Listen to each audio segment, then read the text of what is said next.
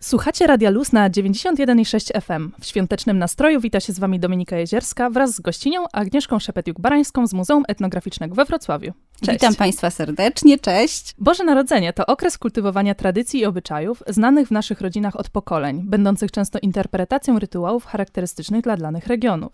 Zagłębiając się w naszą historię, widzimy jak w średniowieczu na ziemiach polskich doszło do zderzenia kultury słowiańskich z chrześcijańską – czy ta relacja z ludami pogańskimi wpłynęła na katolickie obrzędy? Oczywiście, że tak. Właśnie opowiadając trochę o historii Bożego Narodzenia, na pewno trzeba powiedzieć, że dziś to jest uroczystość Narodzenia Pańskiego, liturgiczne święto stałe, czyli zawsze przypadające 25 grudnia, właśnie upamiętniające narodziny Jezusa Chrystusa, ale przede wszystkim dzisiaj to jedno z najważniejszych świąt świata chrześcijańskiego. Zwyczaje związane jednak z tymi szczególnymi zimowymi dnia stanowią przede wszystkim kontynuację bardzo wielu przenikających się tradycji, o których wspomniałaś. Samą datę w ogóle 25 grudnia przyjęto dopiero w IV wieku.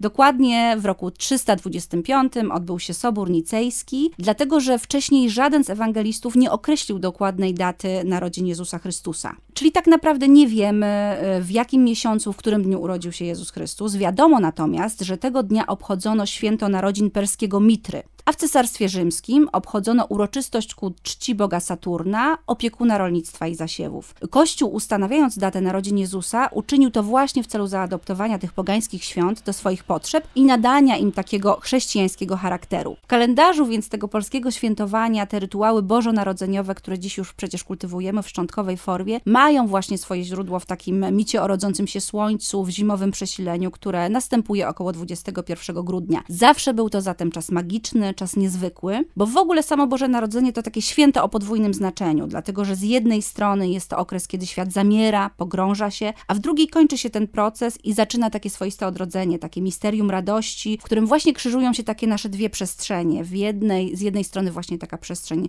e, przyrodzona, ludzka, a z drugiej strony właśnie ta boska, nadprzyrodzona. Czyli u Słowian okres ten związany był z przesileniem słonecznym. A jak on wyglądał? Jak się nazywał i ile trwał? Czas świąteczny, trwający od Wigilii Bożego Narodzenia do Święta Trzech Króli, w polskiej tradycji przyjęto nazywać godami lub godnymi świętami, od starosłowiańskiego słowa god, czyli rok. Nazwa ta pochodzi więc od takich zaślubin swoistych, Starego i Nowego Roku, Nocy i Dnia, gdyż czas Bożego Narodzenia zbiegał się z takim świątecznym e, przesileniem. Jeszcze na początku właściwie ubiegłego stulecia ten drugi dzień świąt rozpoczynał 12 tak zwanych szczodrych dni, zwanych również godami, które trwały właśnie do 6 stycznia, ale sama nazwa gody wywodzi się także od takiego swoistego godzenia służby, dlatego że dawniej w Boże Narodzenie wygasały umowy pomiędzy pracodawcami najemnymi i ich chlebodawcami. I właśnie odnawiano je albo w Wigilię, albo drugiego dnia świąt, czyli na świętego Szczepana, lub w Nowy Rok. A jak dawniej przygotowywano się do tych świąt, obchodów? Jeżeli mowa o przygotowaniach do świąt, to bardzo charakterystyczne dawniej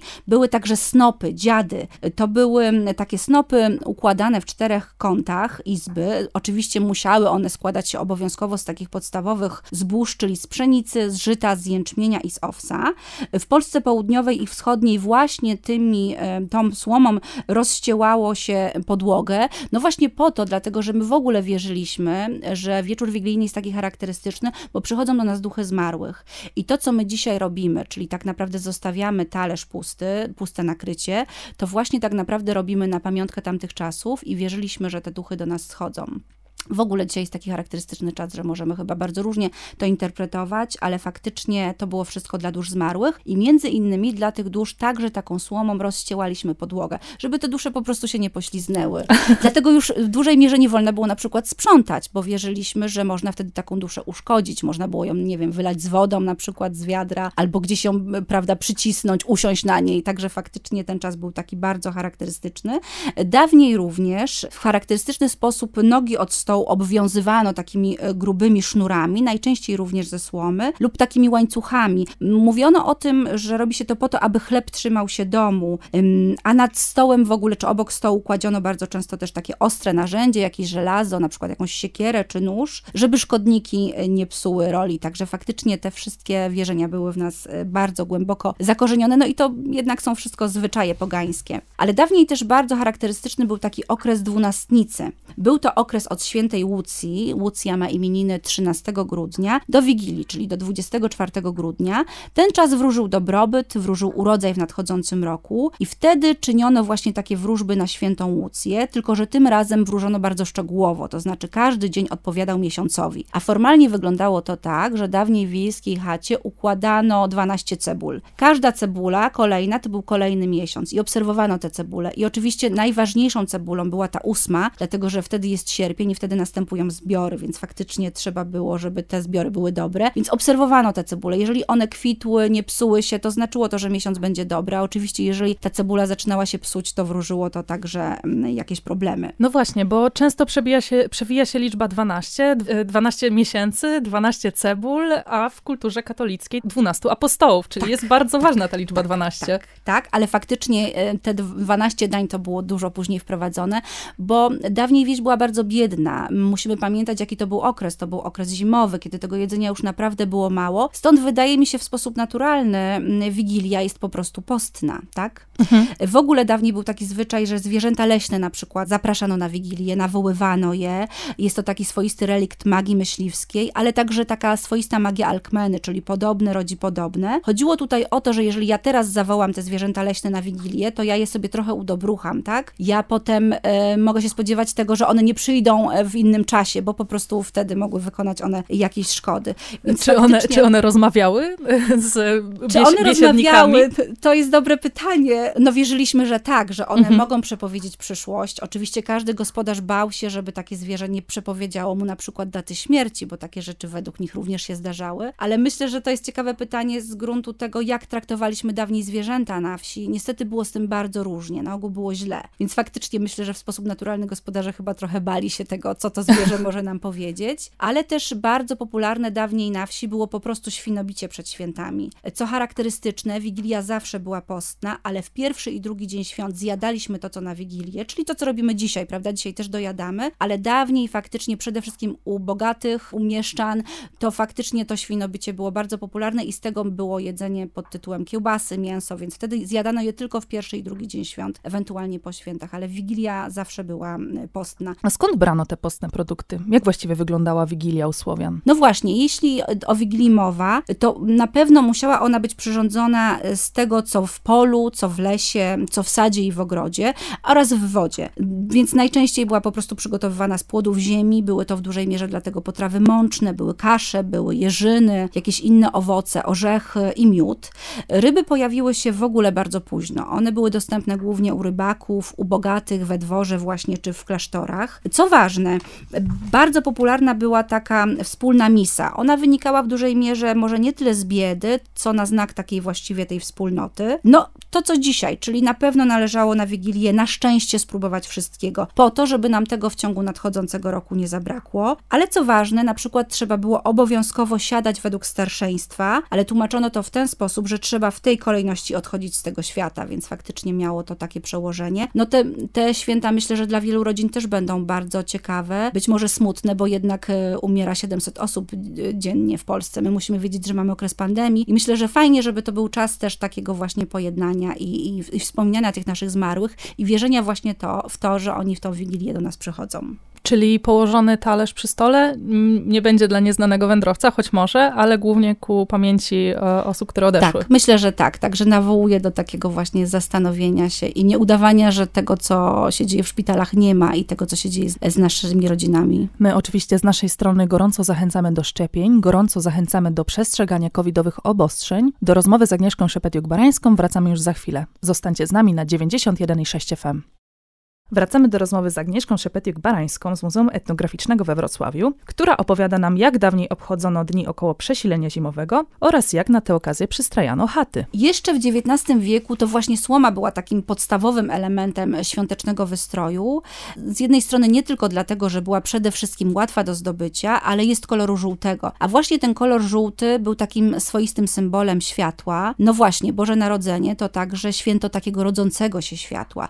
Powszechne było właśnie właśnie wstawianie snopka siana do izby. Najczęściej ustawiany był w rogu pomieszczenia. E, jego obecność nad Wigilijną miała zapewnić oczywiście obfitość i urodzaj, ale ostatecznie zwyczaj, zwyczaj ten właśnie doczekał się takiej chrześcijańskiej interpretacji, czyli upodobania izby do tej stajenki betlejemskiej. Analogicznym zabiegiem, który przetrwał do dziś, jest właśnie to kładzenie na stole i wkładanie pod obrus e, siana. Ale tak jak już wspominałam, właśnie dawniej to ta słoma była taka charakterystyczna. Jeśli mowa o słomie, to na pewno też warto by odwołać się tutaj do podłaźniczki, do podłaźnika, bo zamiast, zanim w, na naszych terenach pojawiła się choinka, to właśnie ta podłaźniczka była taka podstawowa. Ona była zawsze stawiana, wieszana w centrum domu. To był taki wiszący wierzchołek sosny, świerku lub jodły, na którym zawieszano e, właśnie różne ozdoby. Był on zawieszany tak czubem w dół. A czy ta nazwa podłaźniczka była wspólna dla wszystkich rejonów Polski, czy ona różniła się w zależności od obszaru? No właśnie, przez osadników z Krakowskiego zwany był podłaźniczką. Przez na przykład reemigrantów z Rumunii była to podłaska. Na Rzeszowszczyźnie mówiło się o tym Jutka, a chociażby na Warmii i Mazurach była to Jeglinka. W Małopolsce, w Krakowie był to Sad. Na przykład w Sandomierskim Wiecha, więc faktycznie w całej Polsce dzisiejszej różnie to było nazywane. Zdobiono taką podłaźniczkę właśnie kolorową bibułą, świeczkami, jabłkami, orzechami i takimi przestrzennymi światami, czyli ozdobami z opłatka. One były takie bardzo delikatne i misterne. Były takie swoiste elementy właśnie zdobnicze. No i wierzono w to, że podłaźniczka była święta, była magiczna, miała przynosić oczywiście szczęście. Tam, gdzie ją wieszano, było takie nas, nasze centrum kosmosu, taki środek domu, wokół którego właśnie całe to życie miało się skoncentrować. Swoim przeznaczeniem, symboliką nawiązywała ona w ogóle do takiego kultu zielonej gałęzi, właśnie symbolu odradzającego się życia. No i oczywiście miała także sprowadzać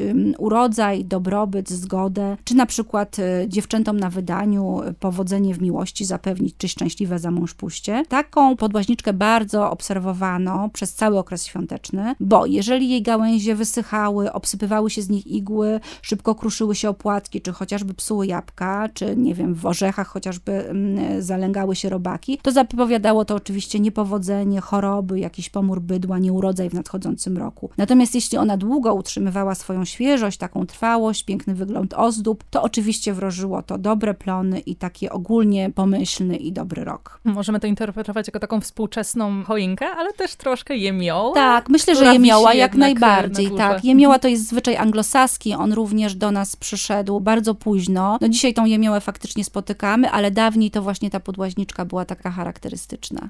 Z czasem miejsce podłaźniczki zajęła choinka. Do Polski przynieśli ją niemieccy protestanci na przełomie XVIII i XIX wieku, czyli tak naprawdę w okresie zaborów. Dlaczego początkowo przyjęła się ona jedynie w miastach?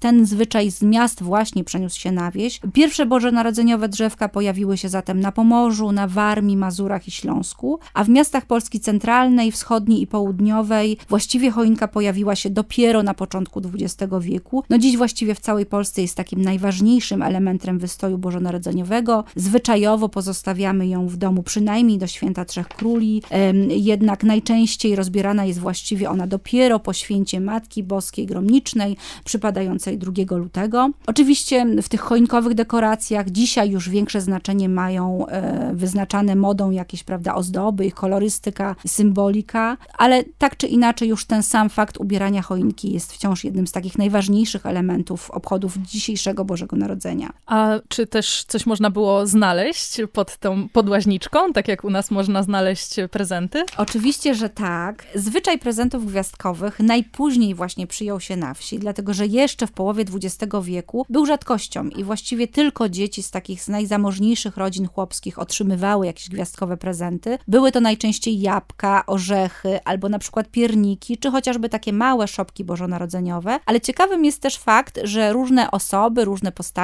magiczne przynoszą prezenty w Polsce, dlatego że na przykład w Polsce centralnej prezenty przynosi święty Mikołaj. E, na Pomorzu prezenty przynosi Gwiazdka. Na Dolnym Śląsku, i u mnie faktycznie się to potwierdza, prezenty przynosiła Gwiazdka właśnie, a wcześniej na Pomorzu to była Gwiazda, duża Gwiazda, mhm. dorosła. U mnie Aniołek przynosi prezenty. No właśnie.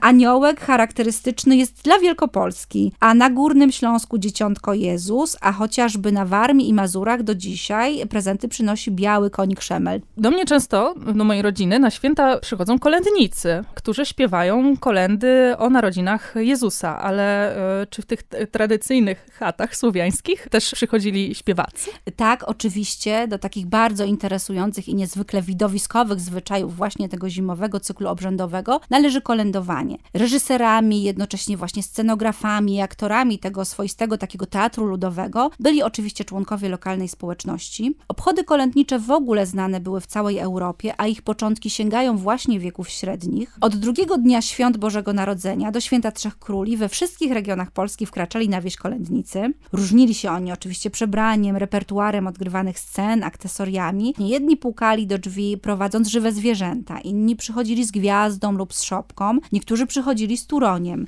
Tutaj na przykład osadnicy z Lwowskiego czy z Rumunii na Dolnym Śląsku kolędowali z banią. Było to taka podświetlona kula y, na takim drążku, więc faktycznie było to charakterystyczne tylko dla naszego regionu, ale jeszcze w innych regionach przychodzili z konikiem, z bocianem, z kozą. No właśnie, na scenie takich szopek odgrywano jasełka, czyli przedstawienia o narodzinach Jezusa Chrystusa. Kolędujący z gwiazdem śpiewali bożonarodzeniowe pieśni, czy chociażby Herody, czyli odgrywali przedstawienia o Bożym Narodzeniu i Królu Herodzie. Co ważne, kolędników przyjmowano w każdym domu. Wierzono, że ich odwiedziny zapewnią urodzaj, dobrobyt. Z czasem takie kolędowanie zmieniło swój charakter. Przetrwały już dzisiaj tylko niektóre stare postacie kolędnicze, na przykład Turoń, ale dzisiaj już także pojawiły się nowe. Właśnie śmierć, właśnie diabeł, Herod, ale do dziś kolędnicy śpiewają kolendy, odgrywają biblijne takie scenki i no co ważne, wciąż żądają daru. Dawniej w ogóle najważniejsze, aby tacy kolędnicy odwiedzili dom, bo to miało przynieść po prostu szczęście gospodarzowi. Jeżeli nie chcieli przyjść do danego domu, no to świadczyło to o nim bardzo źle.